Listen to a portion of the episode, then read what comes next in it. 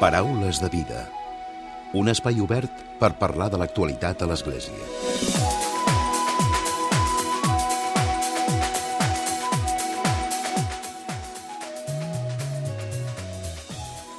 Què tal? Salutacions i benvinguts a un nou Paraules de Vida. Avui el nostre convidat és el jesuïta, antropòleg i teòleg Xavier Meloni, i és que acaba de publicar, a través de Fragment Editorial, el llibre Èxode i Èxtasi en Ignasi de Loyola, una aproximació a la seva autobiografia. Un llibre on es contextualitza l'autobiografia de Sant Ignasi de Loyola i ho fa des de tres vessants, des de la vessant d'heroi, de savi i de sant unes eh, vessants, en aquest cas, que el mateix Xavier Meloni ens diu que ens l'hem d'aplicar a nosaltres mateixos. Avui ens acompanya en Xavier Meloni, que de seguida el saludem.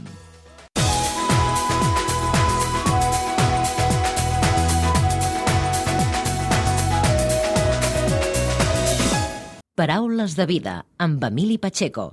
Xavier, què tal? Com estàs? Molt bé, aquí estem. Benvingut al, al Paraules de Vida Online. Doncs encantat de poder aprofitar aquests mitjans que se'ns donen en la societat que tenim per comunicar-nos. Uh -huh. Avui ens acompanyes, en aquest cas, per parlar del teu nou llibre, editat per Fragmenta, Èxode i Èxtasi en Ignasi de Loyola, que de fet és el subtítol Una aproximació a la seva autobiografia. Crec que el que vols és, o el que has pretès és contextualitzar l'autobiografia de, de Sant Ignasi de Loyola des de tres vessants, no? Des de la vessant d'heroi, de savi i de sant. Uh -huh. eh, sí, efectivament, és a dir, que de fet estan en les nostres vides. Eh? O sigui, un relat arquetípic, que és una autobiografia consagrada pel temps, el que podem anomenar un clàssic, eh, conté tots els elements que els més éssers humans també vivim, però agafen com un caràcter com més, més, més cristal·lí i llavors ens podem reflectir en aquestes tres, en aquests ar tres arquetips, eh, que és l'heroi, que és el, el pelegrí és, aquests tres arquetips que has dit s'unifiquen en el pelegrí, en quant que estan en moviment, no? L'heroi és el que atravessa les, les adversitats i les dificultats, si no té por no recula, sinó que avança, atravessa en lloc de recular o d'evadir-les, que són dues maneres de, de no enfrontar-se amb el que un té que afrontar-se per créixer, això és l'heroi. El, el sant és el que va guanyant en capacitat incondicional d'amor i de no judici als altres, inclús a un mateix, que també ens és molt difícil no jutjar-nos a nosaltres mateixos. I el savi, doncs, és el que de l'experiència que viu, doncs, va fent aprenentatge, comprensió, una comprensió que va sempre més enllà de la immediatesa, que és el que ens, ens falta als humans, perspectiva, no? Uh -huh. I com dius, no? és, una, és una qüestió que ens, que ens afecta a tots, no? que tots ens la podem aplicar. Absolutament, si no, no tindrien cap interès la vida dels altres. On hi ha un ésser humà, estem tots els altres éssers humans. I el, el gran error que tenim amb, les, amb els sants o amb els grans personatges, entre cometes, que ja han mort, és eh, idealitzar-los i oblidar que cada passa la van fer amb la mateixa incertesa que avui nosaltres donem les nostres fases. Uh -huh. És també com, com dius, és un pelegrinatge interior, no?, a la vida de, la, la vida de Sant Ignasi, però també la, la vida que tots hem de, hem de viure, no? De, ens hem de conèixer interiorment per tal de, de després exteriorment estar bé i influir amb la resta de persones, no? Clar. La diferència diguem, entre, entre, una, entre una excursió i un peregrinatge, per dir-ho així, és que el, el peregrinatge va a, cap a un lloc sagrat. Hm? I normalment els peregrinatges, evidentment, són llocs sagrats externs i quan més lluny o més difícils, doncs d'alguna manera més ens posen a prova i més valor tenen per l'experiència que donen. Però al final el que es descobreix és que aquest peregrinatge és cap a la profunditat del cor, no? que és el nostre santuari més sagrat i més ocult que tenim a nosaltres mateixos. Quan a mesura que camines cap enfora, te n'adones que camines cap a dintre, estàs completant veritablement un peregrinatge. Uh -huh. Al llibre, eh, Xavier, també surten els passatges, no? les ciutats, els llocs on de, eh, Ignasi de Loyola hi va ser present, no? Parles de, de Manresa, de la cova de Manresa, una, el lloc on tu et trobes, no? de Montserrat, de, de París, de Venècia, de Roma, de Barcelona, de llocs que van ser importants en el seu pelegrinatge. No? Efectivament, de fet es diu que Sant Ignasi és el sant de la modernitat, o sigui, del segle XVI, per dir així, que més quilòmetres va recórrer a peu, o, o que, inclús no a peu, inclús en, en, en vaixell o en alguns moments també a, a cavall, diguem-ne, no? O sigui, ell, eh, ell és una persona, un personatge de transició entre l'edat mitjana i el Renaixement. I això també ens dona molts vincles amb avui perquè també estem en una transició apocal, no?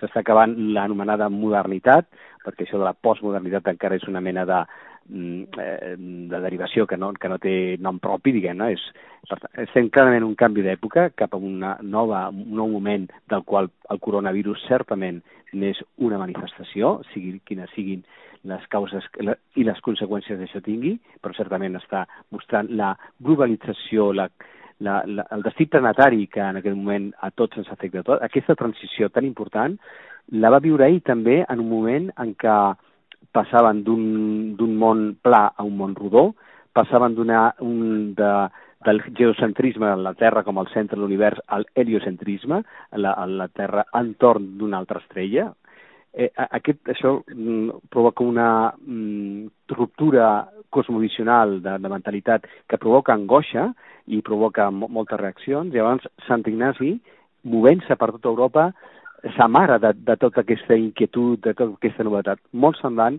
a el que podríem estar vivint en aquest moment nosaltres. Uh -huh. Què és el que descobreix el lector en aquesta aproximació que passa a la seva, a la seva autobiografia? Bueno, doncs una mica el que està en el títol, no? És a dir, eh, el títol és Èxode i èxtasi en Ignasi de Loyola, no? Que també s'hagués pogut posar al revés, èxtasi i èxode, és a dir, l'èxode és la, quan fem un camí en forma, diguem-ne, agònica, bueno, incerta, difícil, de pèrdua, de, de, de, bueno, tota la, la, la noció que té l'èxode, diguem-ne, no? de dificultat. I l'èxtasi és tota la, la joia, la sorpresa, la, la transformació que es produeix la trobada amb l'altre. Eh? bueno, doncs la nostra vida està feta de les dues coses, no? Fem tot, des d'un enamorament, una nova professió, un canvi d'habitatge, un, un, té un moment d'èxtasi, diguem que és el que ens dona la força per llançar-nos-hi, però després hem de recórrer un gran èxode per arribar al final, no? Aleshores, bueno, aquesta, aquesta, eh, llavors, què és? L'important és ser fidel, eh? no, està, no quedar prenyat, eh, no, no quedar prendat, no quedar mm, depenent del, del gust o del disgust immediat, mm, sinó a travessar la dificultat i relativitzar també l'èxit, diguem-ne, perquè també és efímer, i ser fidel a la crida que un té. No? I, I aquesta fidelitat d'Ignasi és la que li fa arribar a la seva Roma. Cadascú té els, la seva ciutat santa, diguem, teus, per ell, doncs, a les seves circumstàncies, ell va discernir que això li portava una fidelitat a el que en aquell moment era el, el, el catolicisme, diguem, ell, ell, era la seva crida. Cadascú ha de saber quina és la seva Roma, o la seva Jerusalem, o la, o la bueno, ja que parlem de Jerusalem, perdó, mm, eh, justament, Jerusalem era el seu primer destí, i quan arriba, després de dos anys, quan ha sortit de, de Loyola, el fan fora al cap de tres setmanes, perquè diuen, li diuen que no es pot quedar allà, i queda molt, molt desconcertat. Ell ha canviat de vida, s'ha arriscat a, a, anar molt mal vestit, diguem-ne, bueno, amb una roba de sac, i arribat a, a Jerusalem li diuen que no, que ja no es pot quedar. Llavors ell diu, ostres, què, què passa aquí? Com he interpretat la voluntat de Déu que pensava que m'enviava a un lloc del qual ara sóc rebutjat? Bueno, Jerusalem creix, Jerusalem no és un lloc, Jerusalem és una manera sagrada d'estar en tots els llocs, no? I això és el que va aprenent a poc a poc, no? Perquè al final Roma tampoc serà un lloc, és un lloc centrífug, és un lloc d'on creix la companyia de Jesús cap, cap fora, no per quedar-se en una ciutat, sinó per irradiar el món, no? O sigui, descobrir que els nostres llocs de terme no són llocs on amagar-nos o on quedar recluïts, sinó que són llocs expansius, això també és, forma part del peregrinatge. Uh -huh. En aquesta cerca de, del seu camí de, de Sant Ignasi parles també de, de, de moments d'aturada, no? de moments de, doncs això, d'aturar-se. Clar, hi ha dues maneres d'aturar-se, no? Una per desconcert i per no saber per on anar, llavors t'atures abans d'equivocar-te més, no? O sigui, que és una forma bueno, sàvia i necessària, no? Quan, quan has perdut de camí o, o quan no saps cap on va, t'atures. Però que vindria més potser per la por, per la, pel desconcert, pel que sigui. Hi ha una altra aturada que és la, la necessitat interna de, de, de fer una pausa en el camí, mirar el que s'ha recorregut, el que queda per recórrer, i, i aquesta aturada mmm, és, és lluminosa, diguem-ne, no? És restauradora, és, és, mm, vincul, és el, el, és el record de la memòria de per què he començat a caminar, diguem-ne, no? I cap a on continuar. Evidentment, de fet, cada dia necessitem una aturada. Inclús hauríem de fer de cada instant del nostre moviment un, un, un instant mateix d'aturada. Si per aturada entenem no paràlisi, sinó eh, percepció i comprensió de cap a on estem caminant. Aleshores, el, el, hi ha una frase que a mi m'agrada molt, bueno, el pare Palau, d'un fundador d'unes ordres congregacions religioses del segle passat, que diu a qui cerca la veritat, l'error no, li, no li fa mal, perquè l'error, l'equivocació, forma part de l'aprenentatge de la veritat. L'important és tenir la, la lucidesa i l'humilitat de saber que s'ha equivocat i aprendre de l'error, però no negar-lo o, o no empipar-se o no, o, o no frustrar-se perquè s'ha equivocat. No? De fet, una peregrinació està feta d'errors en el camí, però de cada error, de cada rectificació, de, hi ha una nova comprensió i aleshores la pregunta que em feies abans, l'heroi, el sant i el, i el savi es va fent justament a base de caminar i d'aturar-se, caminar i aturar-se. Uh -huh. A la contraportada del llibre parles, o es diu que estem en, vivim una època en la que estem orfes de, de grans relats, de referents. Sí, efectivament, eh, així és bueno, el que s'ha dit de moltes maneres, no? Maimon, el filòsof polonès, doncs, eh, parlava d'una societat líquida, diguem-ne, no? Que, no? que no té referència a, a enfront. Eh, clar, això té, eh, és sol i ombra, diguem-ne, no? És, és, perquè els grans, els grans referents els necessitem perquè, perquè pauten i ens donen unes, eh, uns punts de recolzament que dels que han caminat abans que nosaltres, però també és veritat que la nostra societat potser rebutja els grans referents perquè s'han convertit en uns colossos de pedra tan imponents que no han deixat inventar nous relats, diguem-ne, no? Sigui que la manca de grans relats també possibiliten la creació de nous relats. Eh? Diguem-ne, no? Eh, com tot, no? Hi ha una memòria necessària, però també hi ha una memòria tòxica, com hi ha una desmemòria eh, tòxica, perquè ens, ens fa no tenir arrels, però una desmemòria lliure que ens permet començar de nou, no? Per tant, bueno, tot, tot té doble de lectura.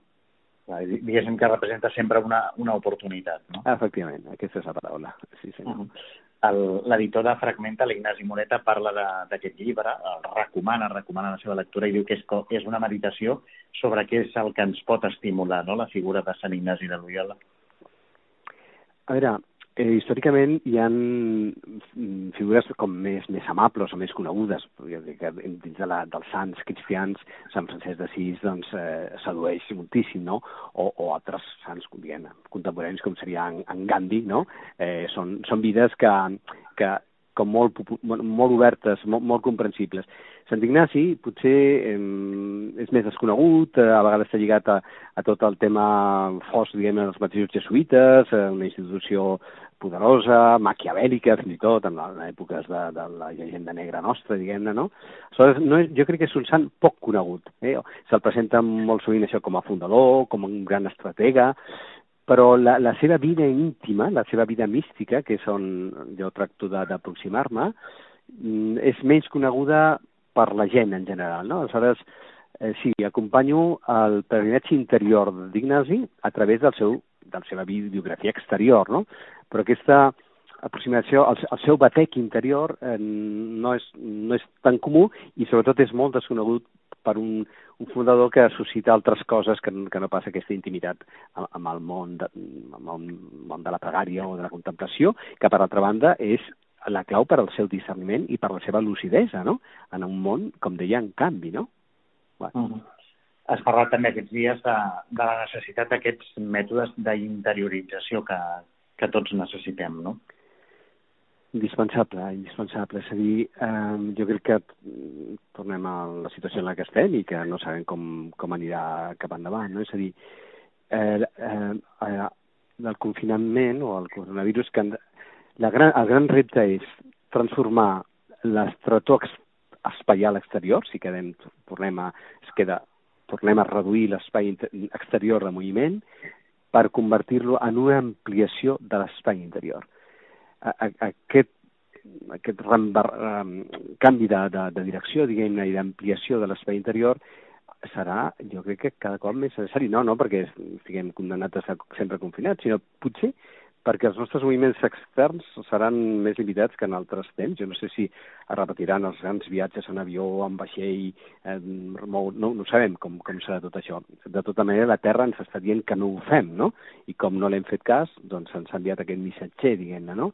I, i passar de la, del rebuig o de la maledicció o de la, eh, de l'acritud de l'inconvenient, de, de, de la imitació i les conseqüències socials que està tenint a la capacitat d'escolta que aquest missatger ens està eh, dient, diguem-ne, això només es pot fer si descobrim en nostre interior un espai nou de comprensió i de relacionar-nos amb la realitat. Això jo crec que avui cada cop serà més indispensable el, el descobrir l'espai interior que tenim. De fet, has parlat de la pandèmia eh, com a tres, i tres oportunitats que són importants que, que ens dona aquesta pandèmia, que és la de la contenció, la solidaritat i la interiorització, la interioritat. Mm, totalment. O sigui, el primer que ha fet la pandèmia és aturar-nos. Mm? Aleshores, eh, el gran repte és que aturar-se no és paralitzar-se. Eh? Aturar-se és justament invertir el moviment en lloc de cap fora, cap a dintre, però mm, per, realment per entrar a la cova del cor, diguem-ne, no? I aleshores, eh, bueno, jo crec que molta gent ha pogut fer aquesta relectura, no totes les situacions, evident, ho han permès, perquè eh, petits espais o angoixa de la feina dels, dels autònoms o tot el, tot, evidentment que això ens posa en una situació molt difícil, però el gran repte és que això sigui, que aquesta aturada o aquesta, aquest recés, per dir-ho així, cap a dintre sigui col·lectiu, no atany a una persona. Jo crec que la gran diferència entre la crisi del 2007 a la que, estaré, a la que tenim i que tindrem eh, ara és que el 2007 va ser per raons de només eh, gruyerament egoistes de, de, de, dels financers mm, de les, de les bosses no? I, de, i dels bancs i tot això. En aquest moment entrem en una crisi per, per, un, per un adversari comú que ens, que, ens, que ens pot unir més com humanitat, com humanitat. Ara hem de, però hem de vèncer la por, hem de vèncer les tendències tribals, és a dir, de, mm, de només defensar els propis interessos petits, diguem-ne, i tenir aquesta mirada global. Per això necessitem eh, allò que en Raymond Paniker parlava dels tres ulls, diguem-ne, no? i parlava de l'ull físic, és a dir, mirar les coses, eh, saber no tancar els ulls, sinó mirar el que hi ha davant nostre, i en aquest moment tenim tot aquesta, aquest repte. El segon és l'ull de la intel·ligència, de la capacitat de comprendre, la capacitat d'escollir la informació, de, la capacitat d'elaborar propis, propis relats o pròpies conclusions i no menjar-nos frits i refrits d'altres que, que sense haver-los assimilat. Sí, la capacitat d'intel·ligència, de comprensió, i la tercer, el tercer ull és la mirada interior, la mirada mística, diguem que va més que abraça el primer i el segon ull i en lloc de fer una, dona una resposta reactiva, dona una proposta creativa. Això és la mística, això és el que va fer Sant Ignasi, això és el que han fet les persones que han inaugurat un, o una nova tradició espiritual o un nou grup eh, bueno, que han apartat a la societat o a la seva, a la seva generació eh, quelcom nou. Això és el que necessitem en aquest moment tots plegats, no? Uh -huh. Xavier Meloni, autor de Èxode i Èxtasi en Ignasi de Loyola, una aproximació a la seva autobiografia editat per Fragment Editorial. Gràcies avui per haver-nos acompanyat aquesta estona. Gràcies a tu, Emili, per el teu interès. Paraules de vida amb Emili Pacheco.